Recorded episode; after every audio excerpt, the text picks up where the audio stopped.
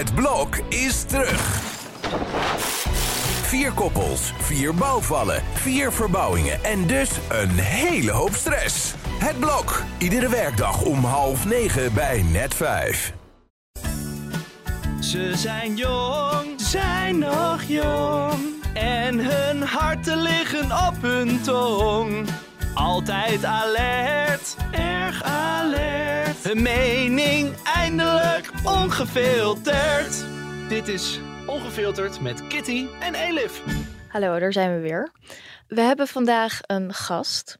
En dat is Joost Reuselaars, predikant bij uh, Vrijburg Amsterdam. Welkom Joost. Welkom. Dankjewel. We gaan het zo meteen uh, met jou hebben over de benarde positie van de middenklasse. En de vraag of onze samenleving steeds egoïstischer wordt. Maar eerst willen we weten, ook van jou, waar heb je je aan geërgerd? Ja, dat wijst denk ik alvast vooruit naar waar we straks over gaan hebben. Dat is de draai van Wopke Hoekstra rond de stikstof. Dus dat hij uh, nu toch vindt dat de maatregelen moeten worden aangepast en dat het allemaal niet uh, zo streng hoeft.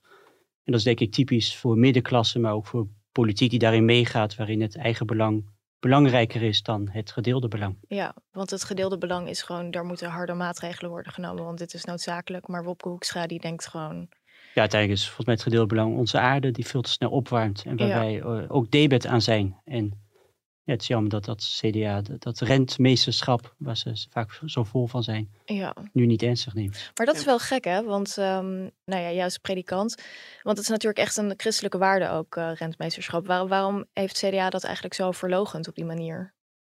Ja, dat is een hele goede vraag. Ik denk dat ze op dit moment andere belangen ook in oogschouw nemen. Het belang van boeren, maar uiteindelijk denk ik dat dat, dat ingaat tegen dat rentmeesterschap dat een, een, een lange termijnsbelang is. Ja. En, de, en waar je niet de komende verkiezingen mee gaat uh, winnen, maar wel de verkiezingen in 2030 misschien. Ja. Maar zou je niet ergens, als je advocaat van de duivel speelt, ook kunnen zeggen dat het opkomen voor het belang van een deel van zijn achterban, waar hij eigenlijk vrij lang zijn mond over heeft moeten houden in het belang van de, nou ja, van de vrede binnen de coalitie hm. eigenlijk, dat dat ook ergens wel een vorm van nou ja, het, het opkomen voor, zijn, voor, de eigen, voor de eigen achterban is natuurlijk ook. Ja, maar je lost er denk ik niks mee op. Er moet iets gebeuren en, en het probleem ligt daar. En nou, je kunt nog spreken of alleen de boeren uh, ja. minder moeten doen of dat wel samenleeft, denk ik. Er ligt te veel nadruk op de boeren, daar ben ik mee eens. Maar ik vind het wel heel makkelijk om, het is een beetje het verwend kind nu, die toch nog zijn zin geeft. En dat, dat is geen goede opvoeding, dat is ook geen goede manier van politiek voeren. Elief, waar heb je je aan geërgerd?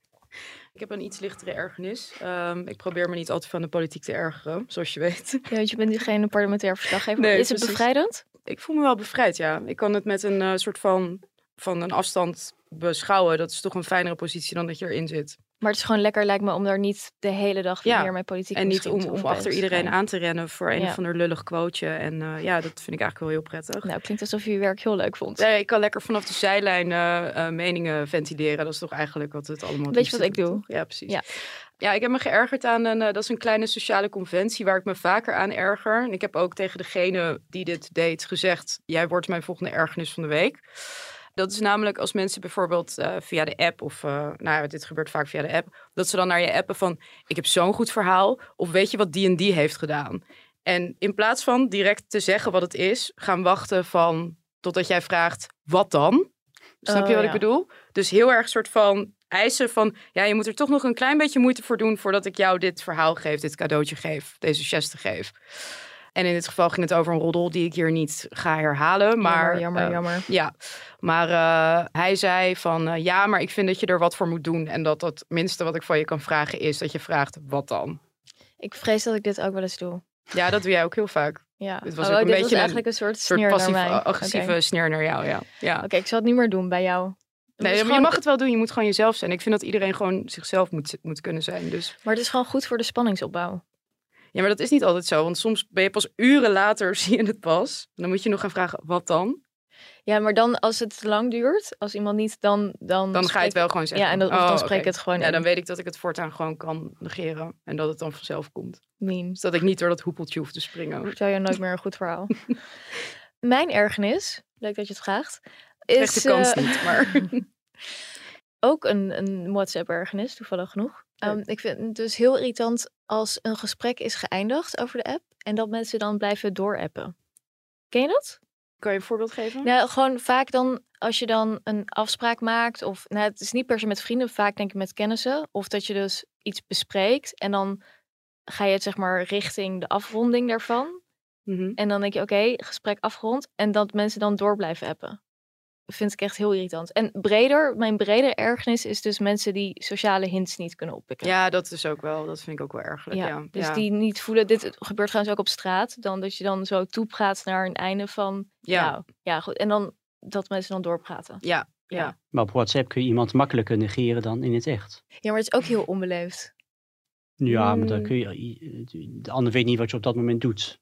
Ja. misschien is er wel een emergency of moet je ergens zijn. Dus Ja, dat is Ja. wel waar. Thanks voor de tip. Maar dan moet je uiteindelijk, wordt toch wel van je verwacht dat je toch wel reageert. ja, Dus maar als je dan drie uur later reageert, dan Of is een dag later. wel. Ja, Ja. of een dag. Ja, dat, dat doe ik eigenlijk nooit. Nee, dat vind ik ook wel tegen de etiketten op social media. Een dag vind ik wel heel ja, lang. oké. Ja, Ja. ik weet niet. Je kunt binnenkort, kun je, daar verheug ik me zeer op, de- dat niet iedereen kan zien wanneer je voor het laatst online was. Dus sommigen wel. Kun niet bij iedereen, maar, maar dat sommige mensen kun je het wel en anderen niet. Dat lijkt me heerlijk. Dus, Maar dat kan nu toch al? Ja, je kan het ja, is dat zo? Ja, maar bij, bij iedereen is dat. En dat, dat is dan verdacht, vind ik. Maar Ja, straks je- kun je per persoon, dus kan ik zeggen, Oh. Kitty kan niet zien wanneer ik voor het laatst online Oh, dat was. is wel handig, ja. Oh. Maar jij wel. Dat, ja, dus zo. En dat, dat lijkt mij. Ja, dat is die wel prachtige een eh, dingen. bevrijding, ja. Ja. Ja. Dan kan je dus Oh, ja. voor je werk uitzetten dat ze zien wanneer je het laatst online, maar voor mij bijvoorbeeld niet. Oh ja, ik denk dat ik ook andersom doe. Snap ik. Eh, we gaan het vandaag hebben over eh, nou, een serieus onderwerp. Ehm, over de benarde positie van de middenklasse. is ook een actueel onderwerp, want eh, inflatie, de gasprijzen gaan gigantisch snel omhoog. En daardoor komen heel veel mensen in de knel. En eerder dit jaar schreef Roxane van Ypres, schrijfster van onder andere Het Hoge Nes, maar ook essayist, het boek Eigen Welzijn Eerst. Over een samenleving die eigenlijk steeds eh, egoïstischer wordt en waarin het eigen hachje centraal is komen te staan. En hoe de middenklasse eigenlijk wordt uitgehold op die manier. Jij hebt het gelezen ook, eh, Joost, en jij vond het een heel goed boek. Wat vond je er zo goed aan? Ook eigenlijk wel een eye-opener vond, is dat de middenklasse van nu geëvolueerd is tot de middenklasse. Hè, want die waren in de jaren 40, 50 een lage klasse. Dus we, we hebben middenklasse gecreëerd. Ja. En dat die groep aan de samenleving te danken heeft dat ze die groei hebben kunnen eh, Ja. doormaken. Maar dat gunnen ze niet aan de huidige mensen die onderaan staan. Dus, dus het is iets dat, dat hen gegund is, maar zij gunnen het niet aan de ander. Ja, Het is een groep die, die, die heel veel te danken heeft aan die mobiliteit, hè, die vroeger niet was. Maar nu zij een beetje een paar treden hoger zijn, denken ze van nou, maar nu moet het zo blijven. En de, de, de volgende groep, eh, vluchtelingen al helemaal, die moet onderaan blijven. ja. Maar goed, wat zij dan beschrijft inderdaad is dan... Nou, na de oorlog hebben, hebben heel veel mensen sociaal kunnen stijgen. Nou goed, een he- hele generatie gewoon bijna, toch? Die konden studeren of die konden op een andere manier... gewoon een beter leven krijgen dan hun ouders. Ja, dat eigenlijk dat we dat nu als vanzelfsprekend zijn gaan beschouwen... en dat we dan alles eigenlijk zien als ja, het is allemaal je eigen verdienste of zo. En dat zie je ook een beetje bij de oudere generaties. Tenminste, dat valt mij op. Dat eh, ja, er heel veel mensen zijn van... oh, ik heb dit allemaal aan mezelf te danken. Ik heb super hard gewerkt. Ehm, Ja. Alsof ze niet ook ja, gewoon geluk hebben gehad in de tijd... waarin ze zijn geboren. En dat ze op een goed moment een huis hebben kunnen kopen... voor een lage prijs. Waarmee ze gigantisch veel overwaarde hebben gekregen. En Daar lijkt weinig oog voor. Ja. En die generatie, naoorlogsgeneratie, de generatie van, van mijn ouders, is de meest verwende generatie in, in honderden jaren geweest, denk ik. Geen oorlog, net geen oorlog meegemaakt en Ja. altijd in vrede geleefd. En op hun zestigste met pensioen, eh, niet te hard werken en het geld eh, bleef maar komen. Ja. Dus ze hebben het eh, fantastisch gehad. En Want jouw ouders zijn dan babyboomers, neem ik Ja, aan. in Ja. 46 geboren. En, Ja. en zij hebben eh, die, geen karikatuur van mijn ouders, hoor, maar wel van die generatie. Die het gewoon echt heel goed heeft gehad. En beter dan hun ouders, inderdaad. Ja. En nu ook, ook zien tot hun verdriet dat hun kinderen het minder goed hebben. Maar tot een afgrijzen zien dat veel meer mensen eh, willen leven als zij. Ja, want het besef is er volgens mij wel ook wel bij oudere generaties dat er inmiddels generaties zijn ontstaan bij wie het niet meer per definitie zo is dat, dat het beter gaat dan bij hun voorgangers. Nee. Maar toch zie je bij heel veel mensen ook wel dat beetje verongelijkte van eh, ja, maar jullie moeten niet zo zeuren en jullie moeten gewoon hard werken en toch wel een beetje dat, dat hardnekkige van dan komt het vanzelf goed. Merk je dat sentiment eh, zelf, Elif? Dat mensen zo praten? Nou, ik zie het vooral online eigenlijk. Ik zie het in mijn omgeving heb ik dat niet heel erg. Ik weet niet hoe dat bij jou is. Ehm, ik heb niet echt dat, dat er in mijn familie zeg maar wordt gezegd van ja, jullie, jullie zeuren te veel, jullie zijn verwend of dat soort dingen. Ik vind dat vooral iets wat je echt heel erg in bepaalde media ziet en ook online. De zeikende millennials. Ja, toch, ja, Er zijn ook wel zeikende millennials. ja, veel, maar ook, er is ook wel veel om over te zeiken. Ja, dat is ook wel echt zo. Ja. Ja, En die problemen worden niet altijd serieus genomen. ja. En op het moment dat eigenlijk dat, dat idee wegvalt van als je maar hard werkt, dan kom je vanzelf hoog op. Op het moment dat dat niet zo is, kan je eigenlijk ook het eigenlijk de mensen niet verwijten dat, dat ze dat dan niet zo vanzelfsprekend doen. Ja, ik vind het ook interessant wat eh, Roxane van Ypres in haar boek schrijft over ehm, het trickle-down model, waar we heel lang in Nederland eh, in hebben geloofd. Dus de overlopende champagnetoren. Meer welvaart zijpelt door naar alle lagen van de samenleving. De groei en bloei bovenin zijpelde eigenlijk later niet door naar de lagen daaronder, maar werd voor een deel weggesluist en uit het zicht opgehoopt als appeltje voor de dorst om te investeren of om van te rentenieren. En volgens mij is dat ook wel een van haar grootste kritieken, dat je inderdaad een middenklasse hebt of een hoge middenklasse die dat ja, privilege eigenlijk heeft gehad om, om dat te kunnen ophopen en die dus niet de noodzaak voelen om dat terug te investeren in de maatschappij. Nou, jij bent eh, natuurlijk eh, predikant Joost, dus jij ziet allerlei soorten mensen. Is dit iets wat jij herkent? Ja, en ik denk dat er ook wel een basis zit als predikant al, denk ik. En ik heb het ook met, met eh, de Roxanne over gehad. In de ontkerkelijking. Dat eh, die, die generatie, na oorlogsgeneratie, eh, ging naar de kerk. Hoorde Ja. verhalen over solidariteit. hè. En, ook de PvdA was toen nog echt wel religieus geïnspireerd. Ja. Was grootste partij, hè, de race en andere. Die ontkerkelijking is door die generatie ook heel hard gegaan. Hè. Dus nu zijn we het meest geseculariseerde land in de wereld. Heeft er allemaal heel veel goeds opgeleverd. hè. Vrijheid, zelfontplooiing. Maar ik denk dat de waarden van solidariteit minder gevoed worden. Ja, En daarvoor in de plaats is toch iets gekomen van je, je, je moet het zelf vooral goed hebben. En dat de politiek, en liberale partijen ook onvoldoende die leegte gevuld hebben en dat gevoel van solidariteit versterkt. Dus ja. We hebben het eerder met jou eh, gehad ehm, in een andere podcast over het nut van vergeving. ja, Omdat we nu in een tijd leven waarin ja, mensen elkaar best wel hard kunnen afstraffen online. En dat we eigenlijk niet meer echt de rituelen hebben in deze tijd om bijvoorbeeld ook ja, iemand te vergeven, zoals we natuurlijk in de religieuze tijd wel hebben gehad. Ja, zijn er echt veel dingen waarvan jij denkt dat missen we in een seculiere samenleving, dat we iets van een vervanging daarvoor hebben voor dingen die eigenlijk altijd heel normaal zijn geweest in het religieuze leven? ja, ik denk wel een parallel, een gemis in beide. Ja. Zonder al te nostalgisch te worden, maar, maar de vergeving is inderdaad iets. eh, En in beide klinkt een appel door vanuit religie. Alle religies van, is dit wel de manier van leven? En, en hoe ziet de ideale samenleving eruit? En welke bijdrage lever jij daaraan? Ja, Ja. En het is nooit voor jezelf, maar het is altijd de ander en jezelf. En dat mist nu. Nou, ik denk dat dat ook wel eh, liberalisme eh, kwalijk te nemen valt. eh, dat ze niet hebben nagedacht over andere waarden die dat solidariteitsidee zouden kunnen versterken. Want hoe, hoe zou je dat eigenlijk op het moment dat dat in een samenleving niet echt meer wordt opgelegd van bovenaf, hoe krijg je dat dan terug? Ja, en, en wie legt de beperking op uiteindelijk? Hè? Want ik denk dat, dat religie ook wel eh, het eigen geluk niet alleen stelde in relatie tot wie je bent, maar eerder tot wie we met z'n allen zijn. Ja. En hoe, hoe kun je daar weer woorden aan geven, verhalen aan geven, zodat dat gevoel weer terugkomt. Ja, Dus eigenlijk een beperking aan je eigen groei, maar dat dat beter is voor het welzijn van de, het geheel en daardoor ook van jou. ja want, want hele praktische dingen, nou ja, die noemt eh Roxane van Ypres ook, die ook zijn afgekalfd in de afgelopen decennia, zijn natuurlijk gewoon dingen als de verzorgingsstaat en onderwijs en, Ja. en eigenlijk de pijlers van, van Nederland. En dat zijn natuurlijk dingen die je wel redelijk makkelijk binnen een bepaalde politieke termijn weer zou kunnen terugkrijgen. Maar echt van die waarden als solidariteit en Ja. barmhartigheid en zo, Ja. dat zit natuurlijk heel erg cultureel in de mensen. En dat krijg je natuurlijk niet zomaar terug. Maar wat zij zegt, dat vond ik heel interessant, is dat dus politiek beleid dat ook stuurt. Dus op het moment dat je dus bijvoorbeeld ehm, vermogen minder zwaar belast dan ehm, inkomen, Ja.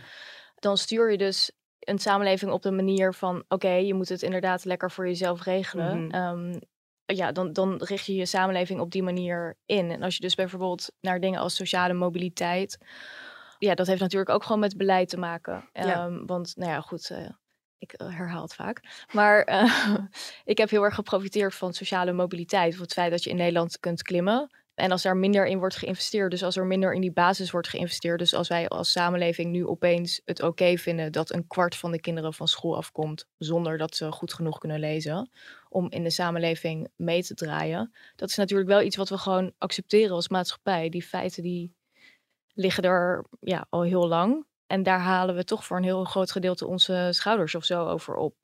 Terwijl ik kan me voorstellen dat 30 jaar geleden of 40 jaar geleden, ja, stond die sociale mobiliteit denk ik ook heel erg centraal. Misschien meer, ik heb het niet helemaal paraat, misschien weet jij dat beter Joost, maar rondom zeg maar het verheffingsideaal en zo van de PvdA, daar hoor je eigenlijk nu niet zo heel vaak mensen meer over. Nee. Dat dat een belangrijk centraal iets is en dat die solidariteit heel belangrijk is. En dat iedereen dat soort kansen moet krijgen, behalve ja, de leegheid van ja, iedereen moet gewoon hard werken en zijn best doen en dan kom je er wel. Terwijl cijfers keer en keer aantonen dat die sociale mobiliteit gewoon ontzettend stagneert in Nederland. Ja. ja. Nou, eh, doordat die ene groep het goed heeft hè, en dat verder niet gunt aan anderen. Nou ja, het eigen welzijn. Maar is het, is, het niet gunnen of is het gewoon dat ze het niet zien? En angst, denk ik. Kijk naar je eigen kinderen. Je wil dat zij uh, het even goed of beter hebben dan jij. En kan eigenlijk geen sprake van zijn als je het heel persoonlijk maakt dat, dat alle kinderen evenveel kansen krijgen. Dan wil je toch dat je eigen kind de privileges die jij hebt ook krijgt. Heeft Nederland niet ook een soort, of veel mensen in Nederland, een verkeerd zelfbeeld eigenlijk van Nederland? Want ik heb wel het idee dat heel veel mensen nog steeds denken van ja, maar Nederland heeft echt toponderwijs, topzorg en zo. Dat hoor je ook gewoon heel vaak, dat dat, dat, dat, dat zo zou zijn. En tegelijkertijd heb je uh, dus het probleem van, wat is het, een kwart van de kinderen analfabeet van school komt.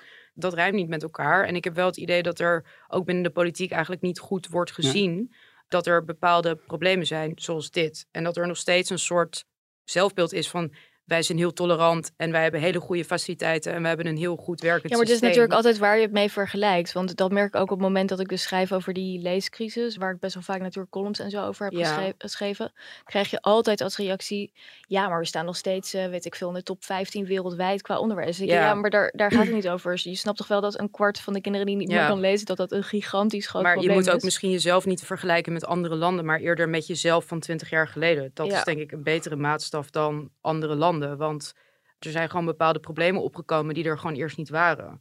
En daar moet je wel een analyse over kunnen voeren. In plaats van te zeggen, ja, maar daar is het erger. Dus ja. Het is in Nederland subtieler. Hè? Ik heb in Engeland gewoond en daar heb je gewoon hmm. privéschool en daar betaal je zoveel voor. En een openbare school. Dus daar is het duidelijk. In Nederland heb je ook betere scholen en minder goede scholen. Maar het is veel subtieler. Ook de manier waarop je, waarop je komt. Hè? Dus aanmelden voor de geboorte. Uh, ja. De directeur kennen. Het is, het is allemaal wat, wat subtieler en ongrijpbaarder. Ja. Zoals alles wat dat betreft klasse in Nederland ook ongrijpbaar is. Ja. waar woon je, dat is dan uh, belangrijk. En, en, wie ken je. Ja, het is wat zo'n netwerk. Uh, ja, maar veel, veel vager. Want we willen het ook eigenlijk niet weten. Maar het is, het is er wel enorm. En, ja. en ook gezondheidszorg, denk ik. Uh, als, als je geopereerd moet worden. Het helpt wel als je artsen kent of, en, en, en wie je kent. En, en, ja, maar daar zit ook een gigantische kloof in. Daar, dat is toch ook... Um, bewezen dat uh, hoogopgeleiden vaak betere behandeling krijgen omdat ze gewoon de taal van de dokter spreken. Of ja, veel en een erkenning, denk ja. ik ook, vanuit de dokter. Die is als ik en, en, en daar moet ik mijn best voor doen. Ja. ja, ja, is dat echt zo? Ja, dat is wel echt denk ik, ja. En onderwijs, denk ik, uh, absoluut ook. Er uh, was ooit een boek, HAVO is geen optie. Ik weet niet van wie, maar dat, dat is ook absoluut zo. Mondige ouders en die gaan dan naar leerkracht. Van nou, mijn kind mag geen, kan geen MAVO-advies krijgen. En dat gebeurt dan. Als je mondig genoeg bent. Ja, want dat is het vaak. Er wordt, um, daar is ook wel eens over geschreven dat er um, van de onderadvisering. Josse de Voogd heeft daar onderzoek naar gedaan, een sociaal geograaf. Want dat is heel lang geloof van, oh ja, er is veel onderadvisering. Maar wat blijkt, er is vooral veel overadvisering. Dus er is vooral veel overadvisering in bepaalde enclaves in de Randstad van hele mondige hm. kakouders die gewoon niet accepteren dat hun kind niet naar het gymnasium gaat. En die zorgt er dan voor dat het wel gebeurt. En als je genoeg bijles krijgt, kan denk ik uiteindelijk iedereen, wel gewoon. Uh, ja. ja. Wat ik ook grappig vond, of interessant vond in het boek van uh, Roxana van Ypres, is dat ze een quote aanhaalt van um, Hans Wiegel, oud-columnist van de Telegraaf ook, uit 1977.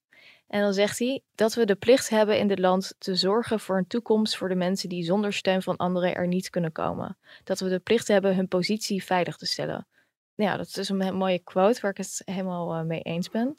Zou je niet, niet associëren met de VVD nu? Nee, dus dat, is, dus heel opvallend. Dus dan zie je dus ook dat rechts heel veel minder socialer is geworden. Ja. Terwijl ik, ik vind dat zelf niet echt een rechts-links thema. Ik denk dat Nederland in de basis gewoon een heel sociaal land is. Ja. En dat mensen eigenlijk ook, meestal als je dingen voorlegt, dat ze het niet normaal vinden dat er daklozen in Nederland zijn, als het zeg maar niet vrijwillig is.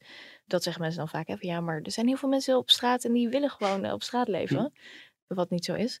Het sociale zit volgens mij heel erg in de basis van Nederland. En ik vind het eigenlijk heel vreemd dat we daar dan zo zijn van afgedwaald. En dat er dan zoveel grote problemen eigenlijk eh, zijn ontstaan. Jij bent zelf actief bij eh, D66. Vind je dat D66 daar genoeg voor heeft?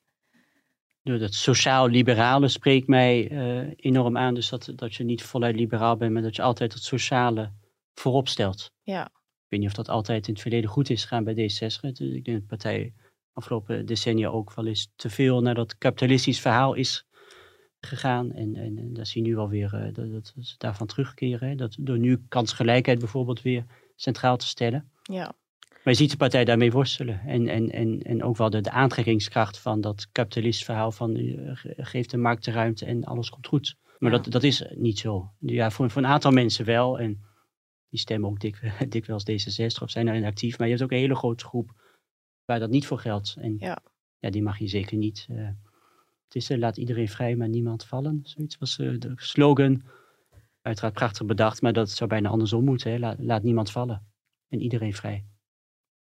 Dat, dat, dat, voor, vooraan staat. Oh, Dat- zo dat, anders dat, om te draaien. Ja. ja, dat niemand vallen, dat vind ik het belangrijkste. Maar oké, zonder dat we jou te veel als, als soort vertegenwoordiger of woordvoerder van D66 gaan behandelen. Maar het principe van kansengelijkheid kwam natuurlijk ook heel erg in die verkiezingscampagne terug Ja. de hele tijd. Maar vind jij zelf dat die partij dat ook goed laat doordringen in het beleid? Nou, het beleid- je, je ziet het misgaan in de vertegenwoordiging zelf.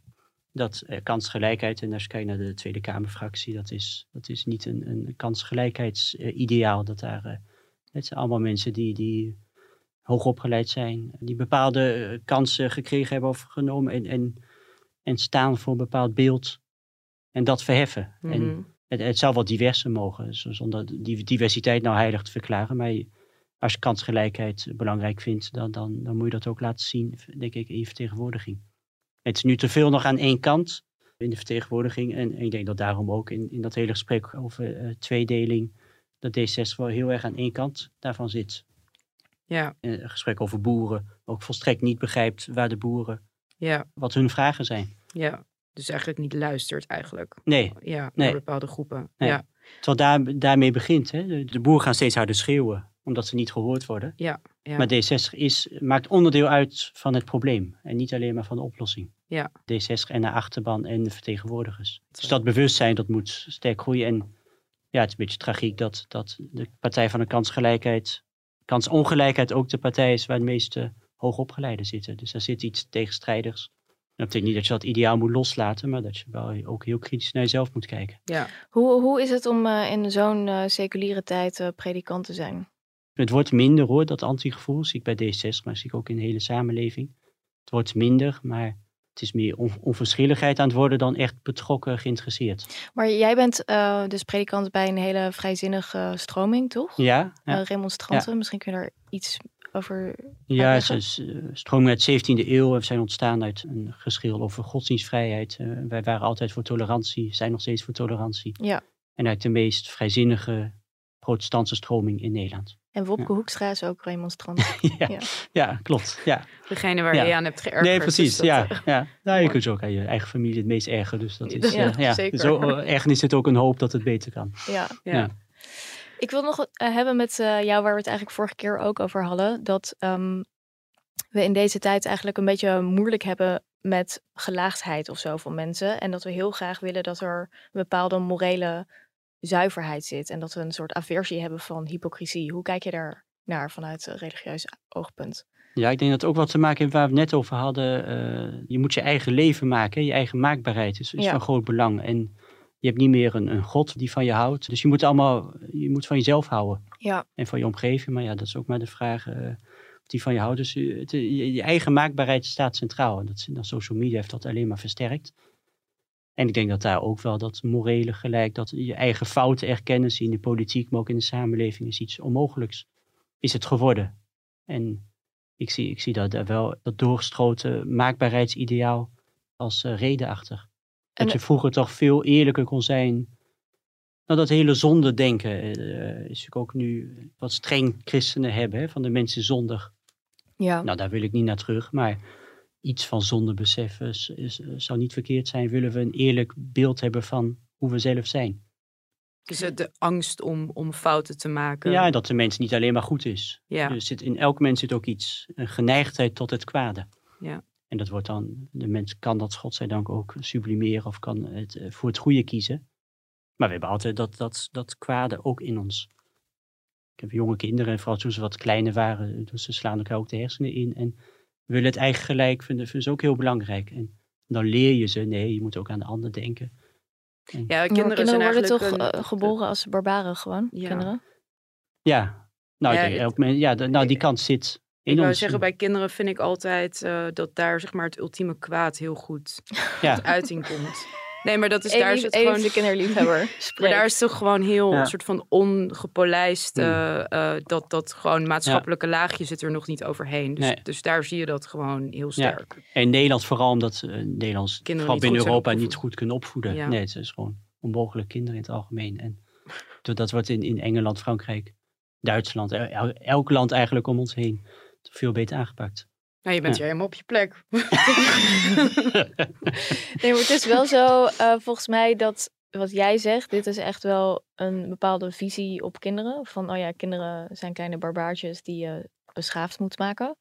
Eh, maar er is natuurlijk nu veel meer het idee van kinderen zijn een soort hele pure zielen waar je naast moet staan. Ja. Ja. En die je eigenlijk alleen maar ruimte moet geven en moet aanmoedigen om hun diepste zelf te zijn. Überhaupt dat idee jezelf zijn. Hè, is natuurlijk een term die de afgelopen decennia is, is opgekomen. Ja. En denk, ja, wie ben ik zelf? Je bent altijd een soort construct.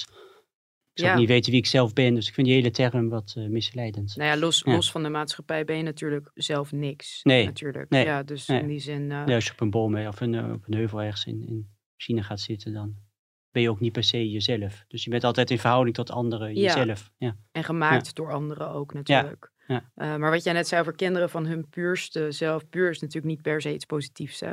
Want dat, dat bedoelde ik nou eigenlijk ook net. Van in kinderen zie je een soort ongepolijst kwaad. En misschien ook ongepolijst goed. Maar dat is die puurheid, toch? Daar is dus nog geen maatschappelijk sausje overheen Maar gegaan. puurheid heeft wel een, een, een positieve connotatie. Ja, maar dat is natuurlijk niet zo. Puur is een heel neutraal woord. Dat betekent gewoon puur zoals het de oorsprong is geweest. Puur. Dus dat kan, daar zit ook pure kwaadheid in. Je kijkt heel eh Nee, ja, ik denk dat, het, ik denk dat je gelijk hebt. ja, Ja, kun, kun je, want jij hebt het dan over eh, jezelf, maar is dat dan een illusie? Denk jij dat je jezelf kunt leren kennen? nou je hebt, ongetwijfeld, je hebt absoluut eigenschappen die bij jou horen. En je kunt trouw zijn aan jezelf en de eigenschappen die je hebt. En hoe je bent ontwikkeld en Ja. wat in je genen zit en hoe je, je jeugd is geweest. Ja, dus daarin kun je wel trouw zijn aan jezelf. Je kunt zeker ontrouw zijn aan jezelf. Dus dan zit ook een manier van trouw zijn. Dus het heeft geen zin om ehm, op backpackerstrip te gaan naar Zuid-Amerika om mezelf te zoeken. Denk jij? Nee, ik denk je beter eh, een boek en een, een fles wijn eh, ergens... eh, ik, denk- wel dat het belangrijk is om, om in jezelf te keren. Dat zeker. Ja. Ja. Maar, maar dat je het geluk heel ver weg kunt vinden, dat geloof ik niet. Als je het niet thuis vindt, dan vind je het ook niet in Zuid-Amerika, denk ik. Ben je wel eens op je, naar jezelf op zoek gegaan, Elif, in het buitenland? Nee. Nee? Jij wel? Nou, ik ben toen ik 19 was, ben ik naar Zuid-Amerika gegaan, maar niet echt met reden om mezelf te zoeken. Ik zei wel van, ik ga mezelf zoeken onder een steen in Zuid-Amerika, maar dat was meer als grap. Maar ja, goed, ik geloof er ook niet in dat je jezelf vindt op een andere plek of zo. Nee, wat ik wel denk, maar dat is niet per se jezelf zoeken, maar dat als je jezelf uit je soort van standaard omgeving haalt, dat je dan andere kanten van jezelf misschien daarmee geconfronteerd wordt. Ja, Maar dat is natuurlijk iets anders dan jezelf gaan zoeken in, in Zuid-Amerika. Zeg maar, het is wel, ik ben denk ik wel eens met wat jij zegt, van je moet jezelf accepteren in de omgeving waarin je zit. En dat gaat niet veranderen als je ergens anders naartoe gaat. Maar ik denk wel dat je zelf uit de omgeving, maar dat kan je ook hier doen. Dat gebeurt ook als je bijvoorbeeld in een inrichting wordt opgenomen. Dan zit je natuurlijk ook in een andere omgeving dan waar je normaal zit. En dan zie je ook kanten van je, wel net te ver, denk ik. Ja, dan ben je iets, iets te ver heen dat- misschien. ja, ja. ja. Nou ja, gewoon als je, in een, als je uit je omgeving wordt gerukt, dan gebeurt dat natuurlijk. Dus in die zin snap Maar een ik, avond, eh, eh, nou, ik was vorige week concertgebouw en dan eh, duurt anderhalf uur. Nou, dan ben ik ook uitgetreden, zeg maar, en dan kom ik weer terug. ja, Maar ik heb weer moeite om weer in normale leven te stappen. Ja, Dus je hoeft, je hoeft niet heel ver te gaan, denk ik. ja je hoeft niet Nee. fysiek eh, heel ver weg te gaan om... Nee. Nee. nee, precies. Nee, dat denk ik ook. Ik denk dat dat hele idee van jezelf zoeken in het buitenland is vooral gewoon een soort legitimering van ik wil gewoon lang gaan reizen. Dus dat idee heb ik zelf als mensen Nee, maar ik denk wel dat mensen vaak het idee hebben van ik weet niet wat ik wil en dus moet ik daar heel lang over gaan nadenken. Terwijl wat je beter kunt doen, is mijn ervaring, is gewoon dingen gaan doen. Gewoon lekker aanpakken. Dit klinkt wel heel De, VVD. de mouwen opstropen en lekker aanpakken. Maar ja, daar, dat is dus wel, dat is dus, dat, daar geloof ik wel in. Van, je kunt beter gewoon een baan gaan zoeken. Ook misschien een baan die je misschien niet leuk vindt. En dan ga je die baan doen. En dan leer je meer dingen. En dan kom je vanzelf er eerder achter wat jouw interesse heeft. In plaats van dat je. Of je kunt gaat reflecteren. ja, of je kunt beter Ja. gewoon een studie gaan doen als je niet weet wat je wil studeren. En dan merk je tijdens die studie ook wel wat je een beetje interessant vindt. Terwijl als je op een berg in Nepal gaat zitten, dan ga je het echt niet bedenken uit het niets. Nee, nee, maar dat is natuurlijk heel erg ervan uitgaande dat je niet weet wat je met je leven aan moet. En dat, je, dat het gaat over werk en zo. En dat is natuurlijk, je hebt natuurlijk ook wel andere existentiële vraagstukken waar je misschien wel hoopt van dat als je naar een retraite in Tibet gaat of zo, dat je dat dan, daar dan antwoord op vindt. Meer vanuit een soort ja, zingeving die je, als je niet religieus bent, die je dan daaruit hoopt te halen of zo.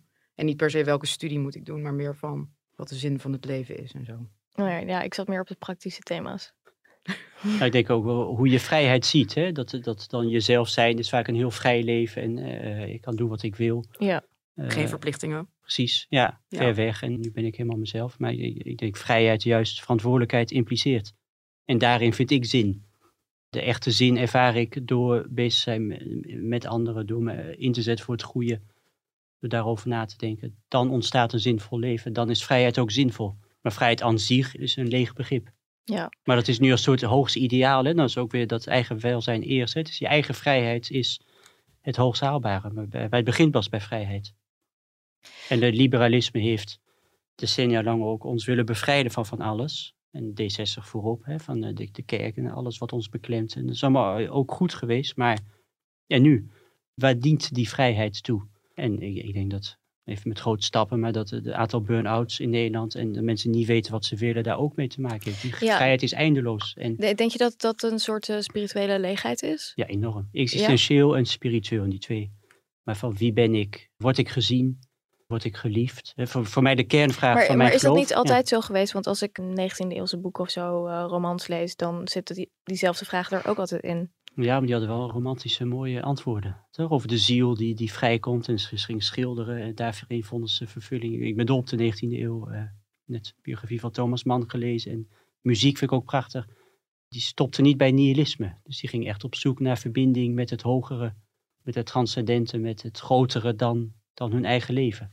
Dus met de afwerping van religie is er op den duur ook gewoon dus een leegheid gekomen waar we nu nog steeds eigenlijk geen antwoord op hebben. Is, Nou, dat wat je met de afwerp van religie ook het, het gevoel voor transcendente hebben, achter ons hebben gelaten. Ja. Dus iets wat groter is dan ik. En de, die romantiek had ook niet zoveel met religie meer. Maar die waren wel bezig met ja, hoe overstijg ik mijn eigen onbenullig leven. Ja. Door in de natuur, door, door te schilderen, door contacten, echt diepgaande contacten met anderen te hebben. Echt lief te hebben. En dat is nu dat transcendente, of je nou met God verbindt of niet, maar dat, dat is weg. Maar zie je daarin niet eh, enigszins een parallel met de klimaatbeweging? Dat dat een soort... Ja, dat wordt een nieuwe, een nieuwe transcendente verhaal. Ja? Ja. Enorm. En je ziet ook profeten opstaan. Hè? Weet je, Greta Thunberg is ook een profeet van deze nieuwe religie. Mhm. Het heeft ook religieuze trek. Hè? Mensen die heel... eh, nou, mijn kinderen zijn vegetarisch. Ik, ik bijna. En, maar ik eet graag eh, af en toe een biefstuk. En dat, dat voelt al bijna als iets eh, heel zondigs. Ja. Ja. En stiekem, als ik alleen ben, dan, dan eet ik vlees. Dus eh, dat, dat, daar zit ook iets religieus in dat het ja, veroordeelt en, en een norm stelt. Wat ook nodig is. En ook heel erg dat sociale, dat eh, van sociale controle wat erin Ja. zit, is natuurlijk ook eh, best Klopt, wel religieus. Ja. En wat ik- ik mis is, eh, mijn geloof is altijd positief. Het kan beter. En dat is het, het heb ik van het Joodse geloof, het, de, de aloude verhalen. Je hebt altijd een betere wereld waar je aan kan werken. Ik vind het de huidige gesprekken rond opwarming van de aarde iets fatalistisch hebben. Mhm.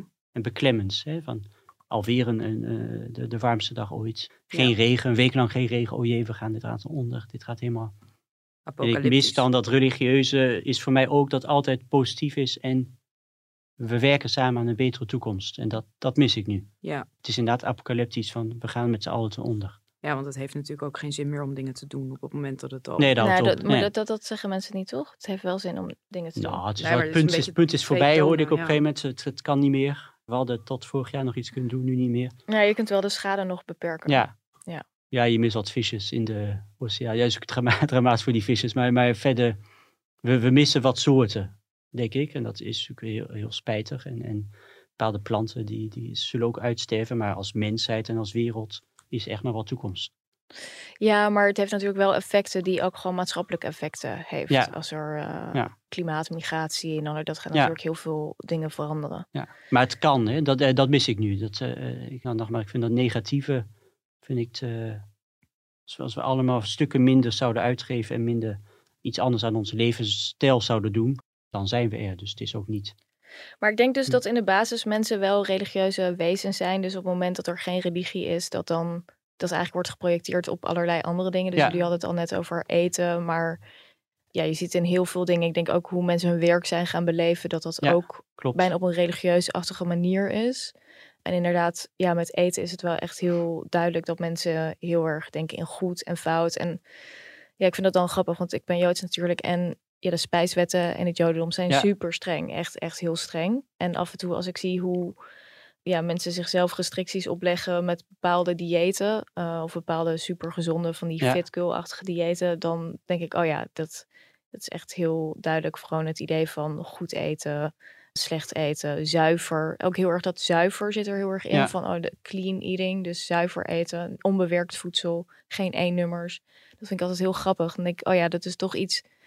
Je kunt die religie wel van je afwerpen, maar dan toch zoeken mensen het weer op op een bepaalde manier. Ja. Of, of de opkomst, nou ja, ook als van zo iemand als eh, Willem Engel. Hoe mensen daar dan zo achter aanlopen. Dat je denkt, eh, Heeft hij ook nog zo'n naam? ja, toch? Ja, dat ook nog. Ja, ja.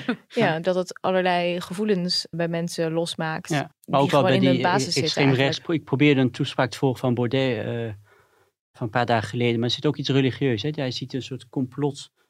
Zo ook bijna iets ongrijpbaars. Maar daarmee ma- maakt hij de werkelijkheid ook van, nou zo is het. Hè? Goed, kwaad is heel duidelijk. Ja, had het over... Was dat die over Oekraïne? Die, die... Ja, deep Oekraïne. state. Maar ook dat hele wereld, World Economic Forum. Wat volgens mij echt, echt de grootste flauwkul is. Maar, maar hij, eh, voor hem is dat iets religieus. Een soort god die, die invloed heeft. Of de duivel denk ik dan eerder in zijn geval. Ja. Die, en ja, als je er probeert doorheen te spreken. eh, Het is een, een volstrekt onzinnig verhaal. Maar het wordt wel tot een religie verheven. En alles past dan opeens ook in dat verhaal. Ja. Ja. ja, het ging over... ehm, Ukraine is a stronghold of the deep state. Ukraine Ja. is like Israel. It's the center of a secret system behind the whole power structure in the world. Nou, dat is sowieso... Ja. ehm, Het zijn ook Redelijk, toevallig de ehm, twee landen in de wereld met een Joodse leider. Maar dat zou ook geen toeval zijn in, zijn, in, in de theorie niet. wat uiteindelijk Zeker is. niet. Ook niet natuurlijk dat je Israël noemt en een secret Nee. system behind the whole power Nee, structure in the world. Dat heeft ook geen basis in. Nee, En Soros zit erbij. Dus dit uiteindelijk, de- door het antisemitisme, daar begint het altijd mee. Dit Ja. soort ideeën. Ja, maar daar zit dus ook een soort religieus-achtig iets in, denk jij? Ja, het, het ongrijpen, nou, dat dat een soort duivel is, een soort duivelse macht Ja, die deze wereld onderuit wil halen. Ja. Ja. En wij zijn het goede en wij hebben door dat die duivel bezig is op allerlei manieren. Het probeert een kloppend systeem te maken. Ja. Ja. Ja, want er moet nu natuurlijk ehm, worden ingeleverd eigenlijk voor veel mensen. Nou, en voor Ja. veel mensen, nou ja, aan de onderkant is dat eigenlijk geen mogelijkheid om in te leveren, Nee. want die vallen gewoon om. Dus ja, het is dan eigenlijk de vraag of dat aan de bovenkant ehm, kan. Iets van een maand geleden was natuurlijk Barbara Baarsma die die uitspraak had gedaan van ehm, mensen moeten minder gaan vliegen en eh, misschien kunnen arme mensen die toch niet op vakantie kunnen, misschien kunnen die dan hun CO2-budget eh, verhandelen aan iemand met een groot huis.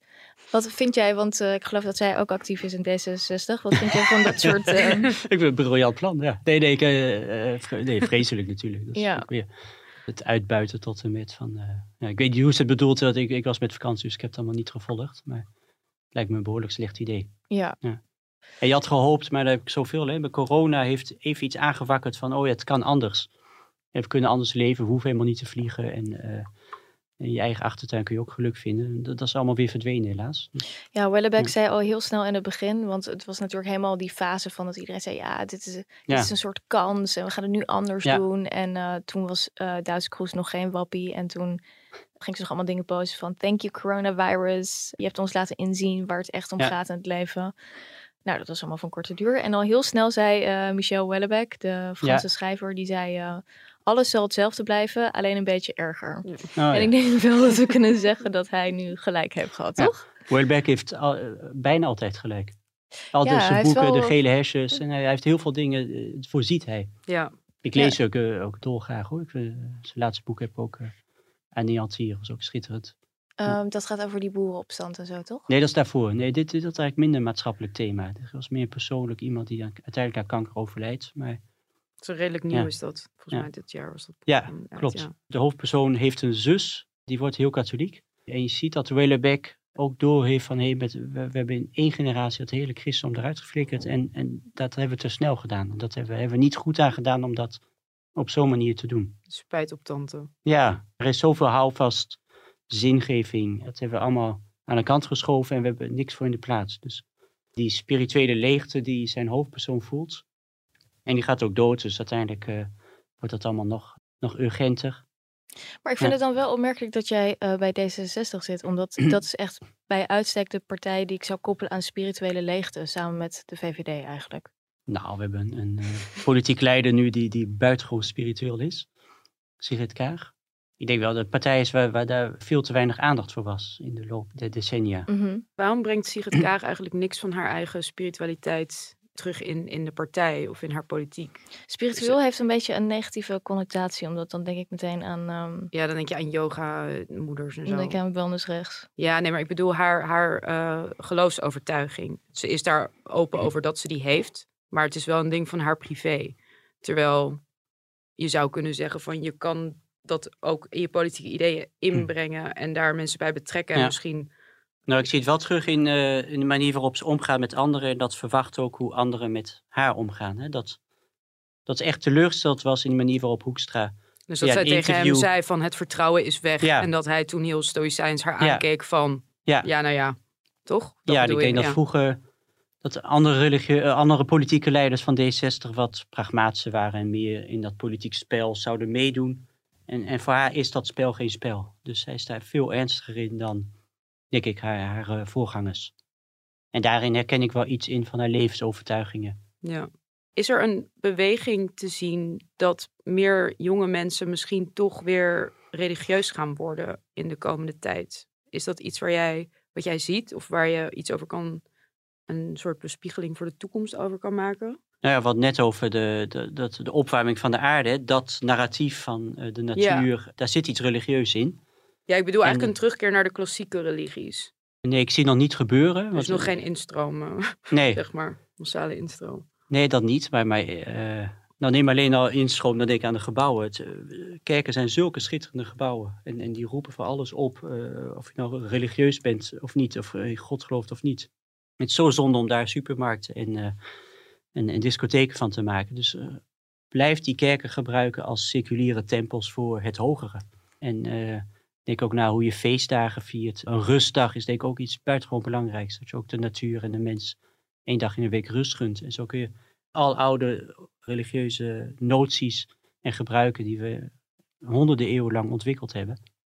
Ja, vertaal dat nu, maar, maar gooi het niet weg. Mhm. Ja. Maar dat, dat, ja, ik denk dat dat voor heel, mensen dan, heel veel mensen gewoon heel zijig dan ook is. Om dat soort van na te gaan spelen op een seculiere manier. Beetje zoals kerst. Ja, Dat, dat, zeg maar dat kitscherig wordt. zo, ja. Nee, het moet ook op een hoger niveau. Dus het hoeft ook niet, absoluut niet alleen zijig te zijn. Maar, Maar, dan, dan krijg je gewoon, ja. ik weet niet, ik heb dan toch het idee van zoiets van de School of Life of zo. Dat voelt dan ook heel leeg. Ben je daar wel eens geweest, de School of Life? nou, ik vind School of Life stelt de, de goede vragen, maar, Ja. maar eh, heeft geen ruimte voor eh, goede antwoorden. Maar ik vind het bijzonder dat ze, dat ze de goede vragen stellen. Ja. Maar volgens doen ze, hebben ze dan een antwoord in vier uur waar je 5000 euro voor moet betalen. dus ik denk van, het is ook wel veel te commercieel. Ja. Het is te mooi, die mensen ook te mooi. Het is allemaal te, te gelikt. Dan denk ik van, ja, dit klopt niet. Maar, maar de vragen die ze stellen zijn goede vragen. Ja. Maar het is, het is allemaal korte termijn weer. Het is, hoe, hoe leer ik mezelf in een dag kennen? Hè? Dat soort Ja, dus Onze eigenlijk ook wel heel ja. erg gericht op eh, hoe word ik een productiever mens. Ja, uiteindelijk hoe word ik er zelf beter van? Ja, hoe Dat word zit ik er de beste altijd- versie van altijd mezelf? Weer. Ja. Ik mis weer dat, nou ja, de eigen welzijn eerst past helemaal bij School of Life. Ja. Ja. Maar je mist weer dat solidariteitsidee van eh, hoe kunnen we als samenleving nog eh, een beetje menselijk vooruit. Maar ehm, wat zouden mensen dan als vervanging kunnen doen op een zondag in plaats van naar de kerk?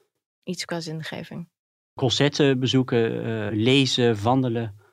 eh, in ieder geval rust nemen, telefoon eh verre van je houden.